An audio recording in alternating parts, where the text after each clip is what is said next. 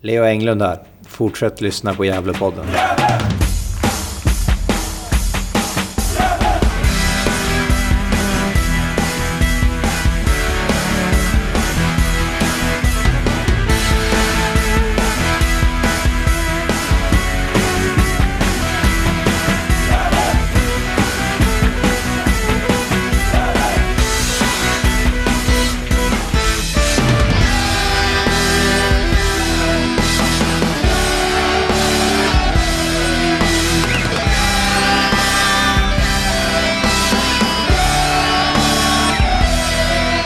Ja, då hälsar jag er varmt välkomna till Gävlepodden och det är, är avsnittsnummer 310. Och eh, vi har ytterligare en delikat vecka att eh, framför oss och eh, att summera föregående vecka också. Och det är ju en, ja, lite av ett delikat problem att det är svårt att, eh, att fortsätta ösa. Hitta nya vinklar bara för att det ska Gävle IF 2022. Eh, Eh, Det var som vi sa här Johan, lite innan inspelning att det, det var lite lättare att klaga 2019. Eller vad säger du? Ja du. Eh, eh, ja, det är fantastiskt eh, skönt ändå. Jag var, lite, jag var lite ironisk som du kanske förstod när jag sa det, att, det var- att det var bättre 2019. Eh, nej, det, det är ju jättetrevligt nu att eh, vara jävligt supporter. Vi ska passa på att njuta. Så är det. Och vi ska njuta idag. Eh, vi ska prata om matchen mot Sylvia. 16-vinsten. Och så ska vi ladda upp lite inför framtiden här med Haninge närmast på eh, lördag borta. Men jag tänker att vi kanske ska börja lite med 140-årsfirandet på lördag. Eh, vad tyckte du om själva inramningen med allt från line-up av spelarna och, eh, ja, och allt annat? Ja, jag vet inte om jag kanske... Eh, ja, jag vet inte. Jag hade nästan missat att det skulle vara ett firande av, av klubbens 140-års jubileum så där strax eh, liksom före. Jag tycker det... Eh, ah, nej, jag tycker att det var, var, var klent i- överhuvudtaget. Eh, jag vet inte om man, om man som sponsor och, och, och sådär kanske märkte av det mer. Det var ju fin middag där uppe i vippen och så och sådär men men i, men i övrigt tycker jag att det är ganska tamt firande. Vad tycker du Niklas? Uh, ja, jag tycker att man skulle kunnat uh, marknadsfört det lite mer, uh, mer innan då. Jag tycker att det kom väldigt tajt på det. Började i onsdags. Bara tre dagar innan mars började komma fram att det skulle vara under 40 Man kanske skulle kunna börja med det kanske minst en månad innan tycker jag för att eh, förankra och bygga upp förväntningarna och kanske presentera någon, någon spelare som ska delta eh, en vecka i taget sådär, eller dagar före sådär. Så jag håller väl med att det skulle kunna eh, presenteras av förarbetet mycket bättre än vad det gjordes. Men det var ju trevligt att se alla fina namn där. Det var ju Voxlin, det var Bernhardsson, det var Malin Rokström, det var Lars Ytterbom, Leif Lindstrand och Hugosson, Eva von Schele, Peter Fyr som vi har försökt få med i podden här. Då dök han upp. ja, jo, men kanske med, kanske med större rätt ändå att, eh, att dyka upp när, när klubben är 440 år naturligtvis än att vara med oss i podden även om, om det kanske finns de som tycker det är trevligt också. Ja, precis. Eh, Sen skulle ju Marcus Bengtsson stod med innan att han skulle delta, men eh, jag vet inte om jag såg lite honom på någon bild eller i, i den här prestationen som kom ut efteråt där. Eh, så det kanske var... Kan det vara så att han fick förhinder då, eller man valde att dra tillbaka det? Ja, det är lite märkligt, det är lite höjt i dunkel där. Eh. Ja, du och jag diskuterade väl lite också hur man hur, hur, hur och, och varför man hade tänkt att fira just honom. Men, men eh, ja, jag vet inte, det kanske är någonting vi får, får återkomma till och kanske fråga lite kring. Ja, urval, ja, urvalsprocessen är intressant tycker jag. Att det är, det är många fina namn med, men sen så saknar man ju en del såklart. Men eh, jag antar att eh, spelare som inte befinner sig i, när, i närområdet eh, inte var aktuell att, att flyga in eller köra hit med bil och så vidare. Så. Men man känner väl att Marcus Bengtsson inte kanske är den som ska vara delaktig i sånt här firande inne på inneplan på Galevallen. Det kan ju vara en, några som har gjort stordåd inom föreningen som ska vara med på det här inneplansfirandet, kan jag tycka. Ja, precis och eh, kanske vi inte tänker så mycket på, på stordåd när vi tänker, tänker Marcus tyvärr. Eh, så är det ju. Eh, gjort otroligt mycket för, för, för ungdoms och, och eh, barnfotbollen kanske i Gävle men, men, men några stordåd kanske vi, vi, vi kan säga med gott samvete att han inte har gjort. Precis. Och eh, jag upptäckte också när jag anlände till till Galevall att eh, man hade plockat fram retrotröjor faktiskt. Ehm, som man sålde för 200 kronor styck. Ehm, och eh, ja, det hängde utanför souvenirshoppen. Och efter lite letande, jag och några, några supportrar så var det så att det fanns fler lådor inuti själva som man inte, var, som man inte plockade fram. Ehm, och där fanns det en del härliga, härliga tröjor. Värt att säga är väl att det var eh, från 2018. Längre tillbaka då. Så det var inte, det var inte från, från de allsvenska åren utan det var från ja, det sämsta året i Superettan. Men det, det, var bland annat Adam Bergmark Wibergs tröja i marinblått. Eh, Piotrs tröja. Eh, Louis Kangas. Eh, du hade även Fitten Castrati kunde köpa. Men jag tror ändå Josef tog den finaste, Igors vår ukrainares tröja. Ja, precis. Det var ett bra val tycker jag. Faktiskt. Eh, så det tycker jag var lite kul. Och sen var det lite tårta efteråt där vid autografskrivningen. Eh, bakom kartläktaren som GIF bjöd på. Så det var, det var väl ett trevligt inslag. Mm, jo, absolut. Eh, men ändå tråkigt på något vis att det, det är bara strax över 900 som, som är på plats. Jag vet inte om man hade tänkt att det är att det här 140-årsjubileet skulle liksom dra folk av sig själv eller eh, för att eh, tidigare under säsongen så har man haft liksom lite speciella happenings och, och bjuder på entrébiljetten och så vidare. Men, men eh, det är ju jättetråkigt att det bara, bara blir strax över 900 vet du, som är på plats på, på läktarna. Eh, och de missar ju en väldigt bra match också dessutom. Ja, man börjar ju fundera lite på vad som är...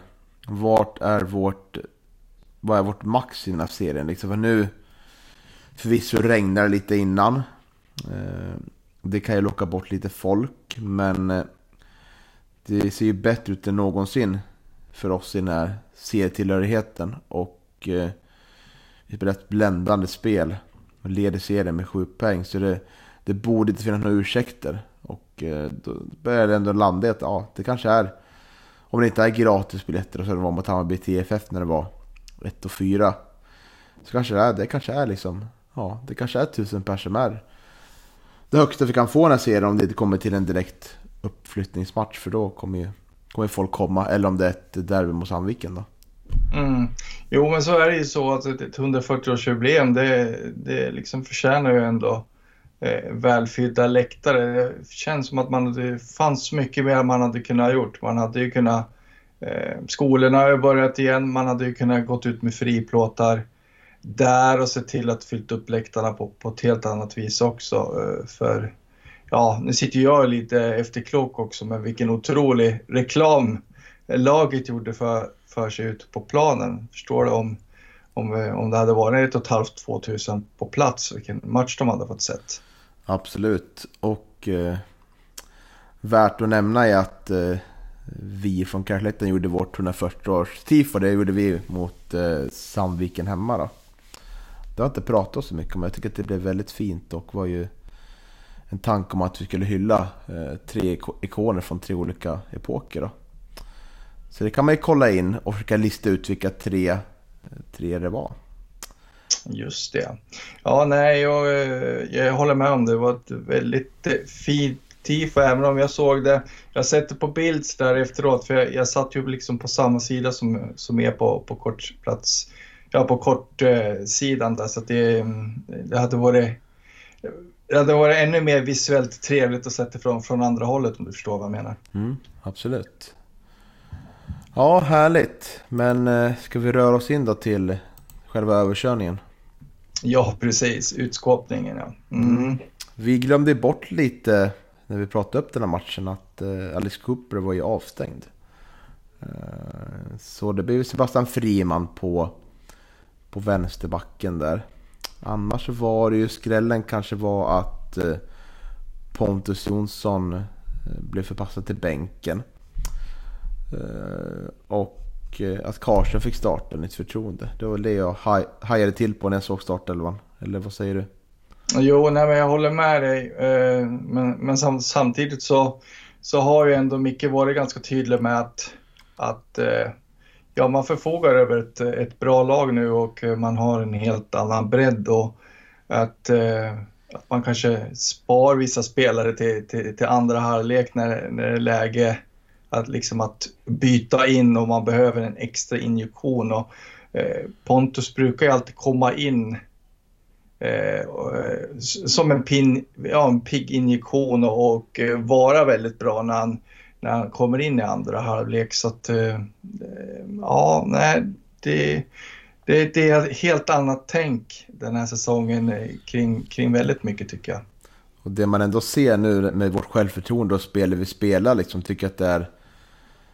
Jag tycker tidigare under, under, under våren så var det en garanti att eh, vi skulle ha Daniel Eliasson och Oskar Lundin på centrala mittfältet för att täcka upp eh, ja, eventuella bolltapp högre upp och ett tuffare eh, mittfältspel. Så där. Vi tänkte lite mer defensivt men nu känns det som att det, den säkerheten behövs inte för att spelarna som spelar den nu, även fast både Iranir och Antonia Kupp är mer offensivt balanserade, de, de vinner mycket andra bollar den här matchen också. Och det tycker jag är kännetecknande den här matchen, att vi vinner ju alla andra bollar i princip. Vi, vi går in med så pass stor trygghet att eh, vi kan spela med ett jätteoffensivt balanserat lag och eh, gör jättebra matchen igenom. Vinner andra bollar och eh, transporterar bollen i högt tempo och skapar chans efter chans liksom.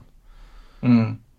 Jo, precis. Det, det, det är inte liksom... Eh, ja, det är ju inte hängslen och, och livrem som, som gäller längre utan eh, man, man, man går verkligen för det. Och man har ju otroligt mycket offensiv kvalitet i laget nu i och med att eh, Antonio och, och, och Karström och eh, ja, även att Io har liksom eh, ja, är ju en helt annan spelare än vad var i våras. Eh, han märks att han verkligen har toppat formen nu så att eh, ja, nej, men det finns, det finns otroligt mycket offensiv, eh, duktig, ja, duktiga spelare i, i truppen nu så att eh, ja, nej, men det är väl bara att köra på liksom. Det, eh, det funkar ju. Ja, det gör ju det och vi fyller på med tillräckligt mycket folk i boxen. Så det är bara så att se på första målet när Jakob fyller på där och eh, otroligt fint anfall liksom från kant till kant och det spelas ut med fart. Och, och så blir det, kommer det 1-0 efter två minuter där.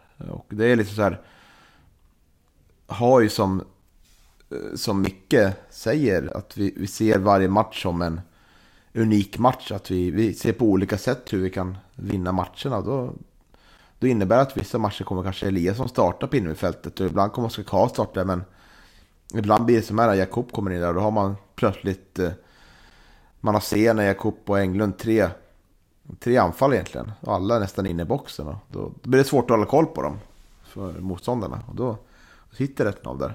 Och det är ju nära 2-0 direkt efter. Mm. Ja, nej, de öser ju bara på som sagt. Det, det är, eh, man ger inte Sylvia någon chans överhuvudtaget egentligen.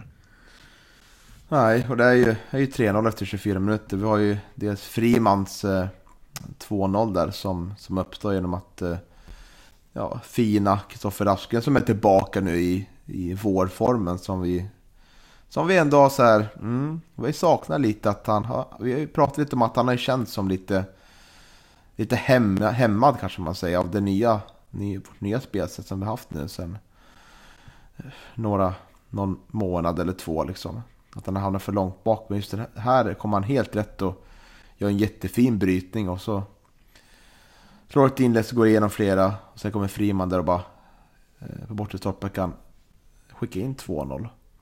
Ja, ja nej, det är ju otroligt fint eh, agerat här av eh, eh, Aspgren naturligtvis och eh, ja, nej, men det är som du säger, vi, han har varit lite hämmad av, av att vi har ändrat spelsystem och jag tror att han även har varit lite hämmad av att eh, Kian senare också hade en, en eh, tyngre period ungefär samtidigt här och eh, men det märks att båda de två är tillbaka i gammalt gott slag och det samarbetet fungerar ju mycket bättre igen nu också så att eh, eh ja, nej, det, det, är otroligt glädjande att se att Aspgren lika bra som han var i våras.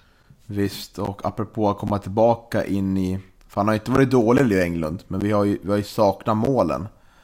Och eh, 300 målet är ju otroligt fint, han bara smäller upp det i, nättaket tror jag där. Eh, mm, typiskt han... en typiskt en målskytt som, som, som är i form. Som sagt, det är, det är inga tveksamheter utan han, han bara bombar in den. Precis. Och, eh, och vi har ju en till spelare som vi har eh, ja, så lite frågasatt han får starta. Men Jesper Karström gör ju 4-0 och är otroligt bra den här matchen också. Mm. Jo, men jag håller med. Eh, han har ju Eh, han har väl kanske inte levererat som, som eh, han, vi såg hans kvalitet där i, i den här första matchen. Jag tror att det var mot Täby, om, du får rätta mig om jag har fel, men, men eh, jag tror han gjorde sin debut mot Täby, va? eller hur? Ja, Nej, jag, jag kommer inte ihåg. Nej, precis, men han, han, eh, han, är, han är ju väldigt bra där i, i sin första match där och eh, man såg att det fanns kvalitet där. Men sen, men sen så har han inte liksom levererat på på samma vis men ändå fått eh, väldigt mycket förtroende av eh, Micke och Sören. Och, eh, ja, de som väntar på något gott väntar ju aldrig för länge nu. Nu, nu gör han ju en jättebra match här mot Silvia. Visst, och det är, det är liksom, man känner redan det halvtid, fan det här, det här är klart liksom. Vi har ju full kontroll på den här matchen och ja, sen kommer det. kommer två mål till andra halvlek. Karsen med ett till mål. Eh, där på skott på en lite snabb omställning. Eh, mm. Leo mm. skjuter. Jakob är först på returen men målvakten räddar. Men sen kommer Karlsson där och trycker in den. Du tänker på 4-0 målet där innan paus ja? Ja, gör det. Ja, just ja. det. Det kanske gör. Det, hans 5-0 mål, det är... Jag tror att det är... Jag tror att det är Io Ranera som spelar fram till eh, Pontus eh, Jonsson som, som lyfter den över, över Silvia backen och Karlström kommer helt fri där och ja, lägger in den vid ja, bortre stolpen. Så är det, tack. Inte lätt att hålla koll på alla mål när vi gör så många mål. Nej, det, det, var så många fina mål och Io Raneras eh, eh, 6-0 mål är ju ett riktigt fotbollsgodis också. Mot ja. ett eh, Silvia som förvisso har gett upp men, men eh, det, jag tycker inte att det tar bort det otroligt fina målet där faktiskt. Så, Nej, som han gör. Absolut, Nej. håller med. Vi har liksom full kontroll på den här matchen ända sen Ja, ända sen vi gör eh, 2-0 kan jag säga. Tim har väl en bra räddning där efter vårt första mål. Eh, men annars har vi full kontroll på allting och eh, det, det får en lite, lite att fundera på vad vi har pysslat med 2019 och 2020 och 2021 liksom. För vi ser att det, det är ju...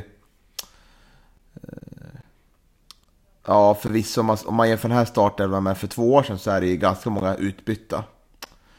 Eh, men vi, vi har ändå pratat om att eh, eh, vår trupp har varit ganska bra. Vi tyckte, tyckte ju... Sett till spelare tyckte ju nog jag det 2019 också om man såg eh, vilka spelare vi hade i truppen. Som Rojas och Ranera som var där då liksom. Och, man såg att det fanns hög kvalitet men att vi kanske inte fick ihop det som lag. Att det var stora problemet. Nu ser man ju att, eh, att eh, vi har väldigt bra spelare och vi har fått ett fungerande lag. Och då, då är det här ett topplag mot ett, eh, mot ett mittenlag liksom. När allt fungerar. Mm. Stora skillnaden i år är naturligtvis Martin Rauschenberg och Oskar Lundin tycker jag också som, som eh, kliver in det är ju spelare som är för bra för att spela i ettan norra egentligen. Det är ju, det är ju åtminstone superettan eh, kvalitet på de spelarna, måste jag säga. Eh, plus, plus en EU Ranera i, i stor form. Eh, de, vi har ju fått otroligt bra eh, utväxling också på de här sommarvärvningarna som, som gjordes till det här året också med Jakob och, och Karström och, och Cooper. Och, ja, nej, men det finns väldigt eh, mycket kvalitet i det här laget helt enkelt.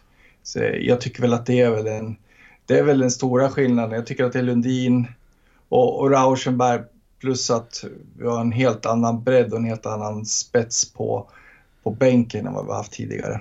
Ja, jag tycker vi kan göra lite reklam för våran månadens spelare då. Som vi spelar in och ligger ute på YouTube nu där vi pratar med, eller jag pratar med Juranera, Martin Rauschenberg och eh, Oskar Lundin. Att det, jag tyckte man kunde se, känna av när jag satt där att det fanns en otroligt harmoni i den här spelargruppen och eh, otroligt lättsamma spelare som har som tar det här för ganska, ganska man tar situationen för vad det är, att vi har allt i våra händer. Men det gäller liksom inte att slappna av och sväva iväg och börja tänka på nästa år. Utan det känns verkligen som man har liksom, man tar verkligen match för match. Och man släpper inte in lag om man väl tagit kontroll av matchen heller. Så ja, otroligt. Jag vet inte om du fick samma känsla, du som satt eh, bakom kameran och begrundade min engelska bland annat. Nej, ja, absolut. Eh, du skötte det mycket bättre än vad jag hade gjort Niklas. Så att, eh, eh, det är som jag säger, jag, eh, min engelska är liksom på, på solsemesternivå om, man, om du förstår vad jag menar. Nej, men eh, vet du, det, det märks att det är en spelartrupp som mår otroligt bra just nu. Eh, stor skillnad eh, om vi jämför med, med, med förra vårsäsongen eh, där man fick en helt annan känsla när man pratade med spelarna då. Det var ganska ja, det var, de kändes ganska oroade och ganska pressade då ett tag där i, i, i förra våren och det är otroligt stor skillnad nu om man jämför med idag. Ja visst. Du, jag tänker att vi kanske ska mm, gå igenom lite av vår fina vän Jimmy Morens eh, Twitterkonto Gälle442. Ja, okej. Okay. Ja, kör du. Ja, jag tänkte läser lite vad han, vad han skrev senast. Mm. Uh, Gävle har nu vunnit 10 raka matcher. Det är förstås en fantastisk svit, men är det klubbrekord? Det beror lite på vad man menar. Uh, den längsta sammanhängande seriesviten i Gälls historia går från 17 augusti 2000 till 1 maj 2001 och är 14 matcher lång. Den innehåller två kvalmatcher och går alltså över två säsonger. Totalt dock eh, bara nio raka seriesegrar. Eh, den längsta sammanhängande segersviten under en och samma säsong är division 3 södra Norrland 55-56 och är på 13 matcher. Notera dock att man spelade höst-vår då och att det var ett väldigt långt vinterbreak. 1968 vann Gävle, precis som nu, 10 raka matcher, men tre av dessa var i Svenska Cupen. Eh, 1961 vann Gävle 10 raka seriematcher i division 4. Eh, men detta är alltså, för att summera, tillsammans med 1961 den längsta segersviten i seriesammanhang under ett och samma år. Ja, men du ser. Ja, jag tycker väl att man kan absolut räkna med, med kvalmatcher men inte cupmatcher. Mm. I så fall. Ja, det är väldigt mm. bra utläggning av Jimmy här. Uh, ja, bra att reda ut begreppen så att säga. Precis, man kan ju hävda att 61 eh, eh, när vi vann 10 matcher i serien blev det från fyra, så det var inte, då är det här mycket bättre, eller hur? Ja, absolut. Eh, och 68 håller med dig, Svenska Kuppen inräknat, är väl inte lika hög. Smäller inte lika högt i min värld i alla fall. Nej, verkligen inte. Eh, och eh, längtade 13 matcher, 55-56, men det var också division 3, så jag tycker inte heller det. Jag vill snarare hävda att den här som är från 2000 då, och innehåller kvalmatcher. Det var det fantastiska Gävle IF som, som sen hade väldigt trevligt 2001. När det var ganska nära att, att gå upp till Allsvenskan då till och med. Mm, precis. Fina absolut. Johan Berg, kommer du ihåg honom? Ja, absolut. Det är klart jag minns honom. Eh, riktigt eh, fin målform den säsongen. Jag fick ju lite flashback. Jag pratade med Pontus Bjärstedt, en gammal ordförande i ja, eh, dåvarande Sky Blues. Då, då kom vi in på den här fina som med Tosinetto och berättade för honom att det var faktiskt eh, Johan Bergman hade första liksom så här star, stora stjärna liksom man kollar på GIF. Det var faktiskt, tror jag fan var Johan Berg för mig. Mm. Ja, du ser. Mm. Ja, det, det var alltså 14 matcher lång och eh, då är det fyra matcher kvar. Intressant att se. Vi har ju en spännande höst framför oss. Men först ska vi, ska vi nå upp till BP's 12 raka segrar i etta norra då. Det känns viktigast just nu. Absolut. Uh, ja, vill du ta matchens tre stjärnor då? Som är lite övertänkt. Oh, ja, precis. Eh, ja, hur har vi tänkt där egentligen? Det var, det var så otroligt många att välja på. Eh, men eh, vi, eh, vi landar väl ändå i att, eh, att ja, vi gav en stjärna till... Fasiken Niklas, du får kolla upp det här åt mig. Jag glömmer bort det nu. Det gick sådär för dig, Ja, det gick, för mig, gick sådär att summera det där, hör du. Ja, en stjärna gick väl till Johan Berg, var det så? Nej. Var det inte Johan Berg? Nej, det var inte, det inte. Det konstigt nog. Nej, det var ja. Jesper Karlström såklart. Ja, just det var det. Jag satt och tänkte på om vi, om vi gav en stjärna till Gian eller om vi gav det till, till Jesper, men det stämmer mm. nog. Mm. Ja, ja, det är tre spelare vi tycker är outstanding och de är med här kan man säga. Ja, verkligen. Så är det ju. Eh, men som sagt, svårt eftersom det var många som var outstanding i den här matchen.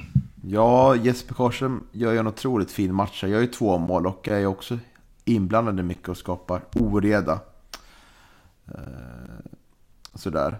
Eh, jag skulle väl kunna handla på två också om man var lite ödmjuk. Men eh, kände väl kanske att Gian Sener tyckte jag gör en otroligt fin match på sin högerkant. Och ja, gör inget mål. Men nog hade han förtjänat att göra ett eller två. Han är ju... Ja, ja precis. Ja. Och han är ju han är liksom hjärnan och, eh, bakom mycket som händer innan målen om man säger så. Så att Eh, eh, har ju ett väldigt fint samarbete som vi var inne på med med Kristoffer Aspgren där ute på, på högerkanten och eh, det är ju, de två är ju regissörerna bakom många av de här målen som, som till slut faller. Jag tycker man såg eh, när vi, när vi tyckte att vi inte var nöjda med scenen. Att då var det väldigt mycket tveksamma passningar, tveksamma beslutsamheten och sådär. Nu lyser han av självförtroende den här matchen och vågar göra saker och kommer förbi spelarna och eh, driver med boll på väldigt bra sätt. Så eh, jättehärligt att se scener i sån här pass fin form. Och har verkligen hittat sin plats där ute på höger nu. Ja, verkligen. Verkligen. Och det, eh, det behövs ju nu. Eh, inför slutspurten här av ettan norra att vi, att vi har många spelare som är i form och det, det märks verkligen att Gian är det. Mm. Och vem får tre stjärnor då?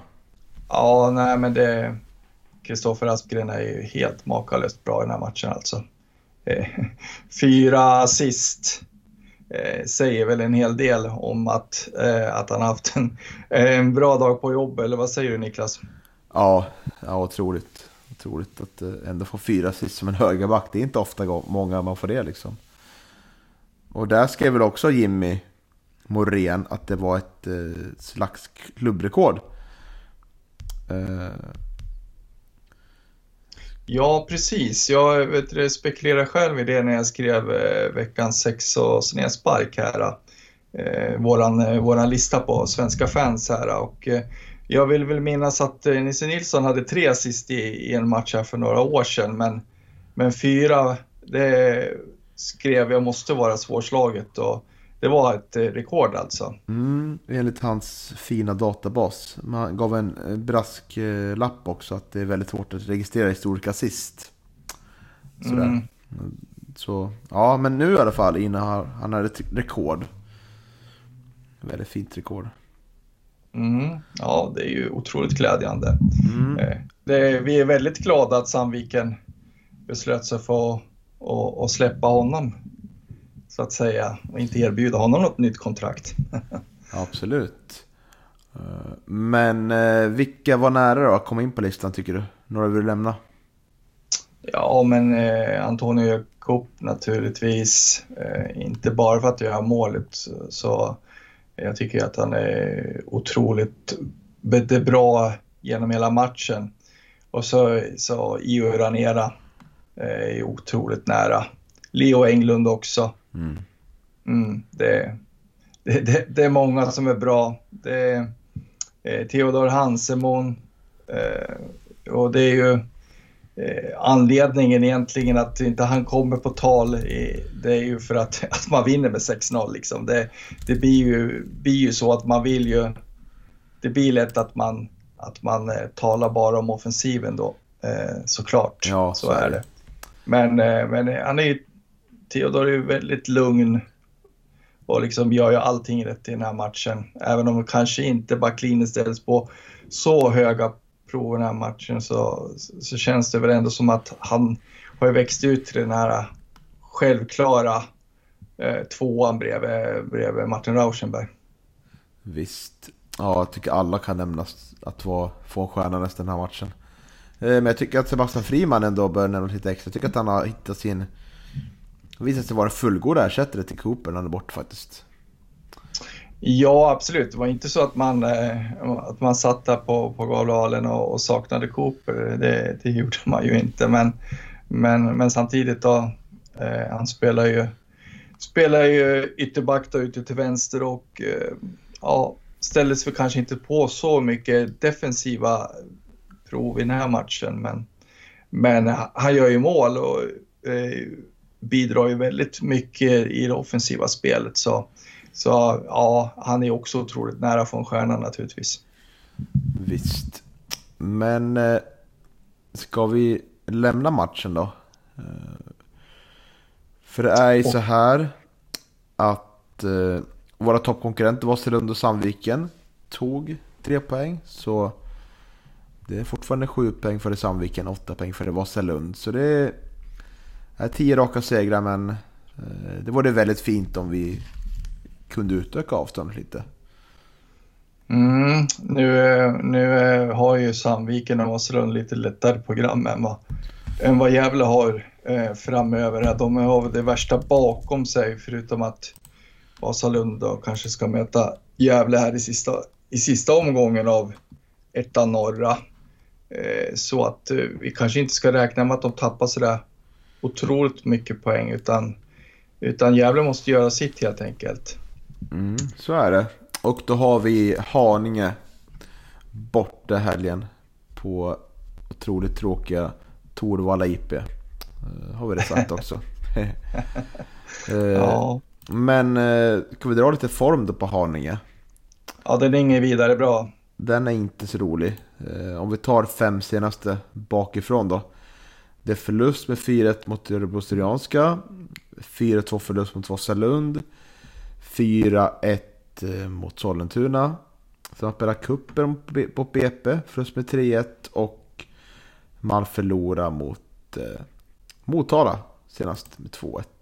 Ja, otroligt tung förlust för Haninge mot Motala som är, som är det laget som man kanske tampas med där om, om att slippa den där kvalplatsen där i, i botten. Eh, så att eh, är otroligt eh, tungt och jag tror att man, man förlorar på ett väldigt sent mål från Motala där också. Så att eh, de har det riktigt tungt nu Haninge. Mm, man vann senast mot Täby den 1 augusti. Så man vunnit en match om starten. Så det, Mm. det är tungt och eh, ligger ju på kvalplatsen nu då. Precis. På 22 poäng. Två poäng ner till forward så. Men det är farligt det här. Nu kommer man in med 10 matcher kvar. Det nu liksom blir... Det blir ju nio finaler för Haninge också. Så är det. Det är så, sådana lag som krigar i botten och krigar för sin existens är inte att leka med. Så att, eh, eh, ja, nej, det blir lurigt. Det blir det. Eh, Och eh, mötet i i våras slutade med en 3-2-seger för Gävle IF. Eh, det har varit lite onödigt spännande kan man säga. Ja, exakt. Det, det kändes som en match som, som Gävle ändå hade kontroll över, men, men att man eh, slarvade vid några tillfällen och eh, eh spelade ganska nonchalant eh, stund, stundtals. Då, så att, vet du, ja, det är som du säger, det vart, det vart eh, onödigt spännande. Som det var i många matcher under våren faktiskt, om man, ska, ja, om man tänker tillbaka lite. Precis. Ja, hur vill du att vi ska ställa upp nu då? Eller hur, vad, hur tror du att Micke Bengtsson tänker? Gällande vårt mittfält bland annat. Ja, jag vet inte. Jag tror inte att det blir eh, sådär överdrivet mycket förändringar faktiskt. Det är väl eh, eventuellt att, eller ja, det är väl ganska självskrivet kanske att eh, Alex Cooper kommer att kliva in på vänsterbacksplatsen. Men i övrigt så tror jag inte att det blir så mycket förändringar. Utan att man kommer nog köra på en liknande elva som man gjorde mot Sylvia. Det tror jag.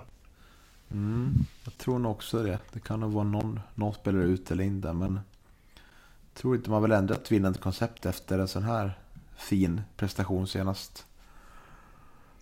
Nej, exakt. Och eh, sen är det ju så att eh, man vill ju, och man har ju ändå en helt annan bredd och spets på, på, på sin bänk nu och eh, det finns spelare att, eh, att eh, byta in som kan komma in och ändra en matchbild om det är så att eh, plan A inte fungerar om man säger så.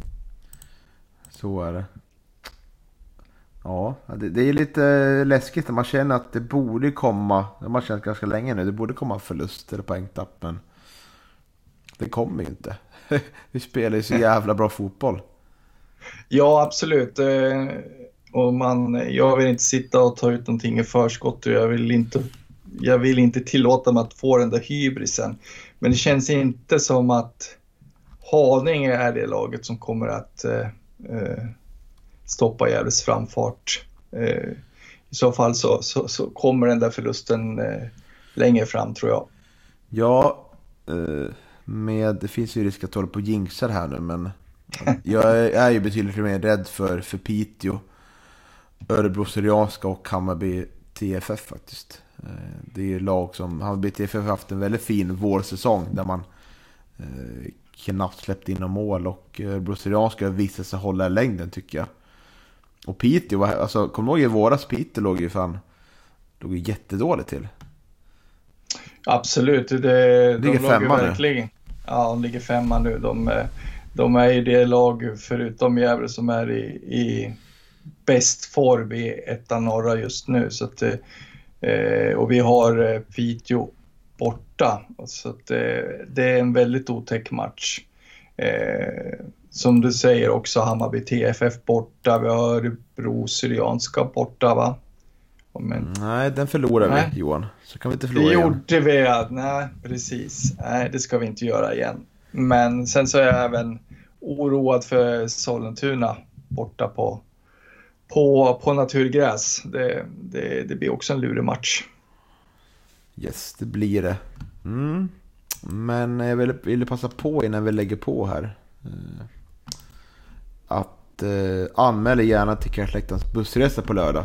Det blir storbuss och eh, det är nu grabbarna behöver stödet mer än någonsin för att fortsätta, fortsätta trycka på och eh, vinna matcher och ta oss tillbaka till Superettan. Jag vet ju att eh, spelarna säger, säger till oss att det betyder mycket stöd. Så alltså, kolla in på cashlita.se och eh, boka in er plats.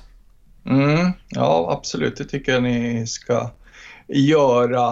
Eh, det blir ju jätteroligt om det blir ett hyfsat stort bortafölje faktiskt. Precis. Mm. Ska vi säga så då Johan? Ja, men det gör vi Niklas. Mm. Du får det så gott. Vill du avsluta podden på något bra sätt nu? Asså du, du tycker att jag ska göra det? Ja, nej men eh, absolut. Jag eh, tycker att ni ska följa med till Haninge på lördag. Eh, de behöver, grabbarna i laget behöver ert stöd och eh, det är roligt att se Gävle nu 6-0 senast här nu hemma mot IF Sylvia. Så eh, gör Torvalla till, till en roligare arena och eh, åk med Karikläktans buss på lördag. Tycker det låter bra Niklas? Det låter jättebra. Så önskar vi alla våra lyssnare en fortsatt eh, trevlig vecka.